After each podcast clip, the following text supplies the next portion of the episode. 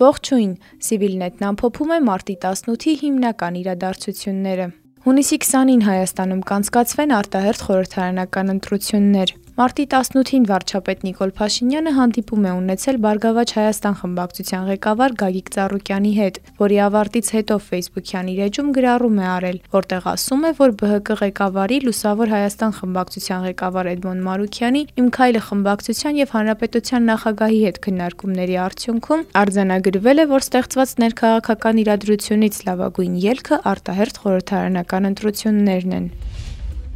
Օնիկ Գասպարյանը ազատված է գլխավոր շտաբի պետի պաշտոնից։ Վարչապետի աշխատակազմը պարզաբանում է տարածել ՀՀ վարչական դատարանի որոշման առնչությամբ, որը վերաբերում է Օնիկ Գասպարյանի պահանջի բավարարմանը։ Սահմանադիրը նշված սահմանադրական նորմի ուժով ուժի մեջ մտած ակտի շրջադարձի հնարավորություն չի նախատեսել։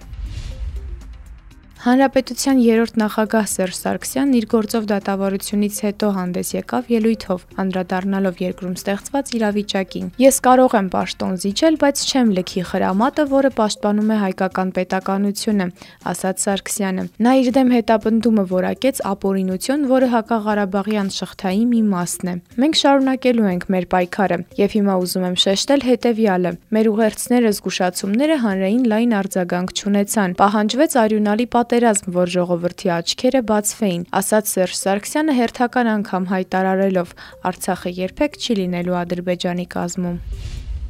ԱՄՆ նախագահ Ջո Բայդենը հայտարարել է, որ իր վարչակազմը մտադիր է աշխատել Ադրբեջանի հետ տարածաշրջանային խաղաղության հասնելու նպատակով։ Որպես ԵԱՀԿ Մինսկի խմբի համանախագահ երկիր մենք հանձնառու ենք կողմերին ցուցաբերելու աջակցություն Ղարաբաղյան հակամարտության երկարաժամկետ կարգավորման հասնելու համար, խրախուսելու հաշտեցումը Հայաստանի եւ Ադրբեջանի միջև հանուն բարեկեցիկ եւ խաղաղ ապագայի, հայտարարել է ԱՄՆ նախագահը։ Նա շեշտել է, որ իր վարչակազմն աջակցում է Ադրբեջանի ջանքերին, որոնք ուղղված են տնտեսության բազմազանեցմանն ու Կասպից ծովում էներգետիկ հնարավորությունների զարգացմանը։ Բայդենը նշել է, որ Միացյալ Նահանգները մտադիր է դիտարկել տնտեսական համագործակցության նոր հնարավորություններ։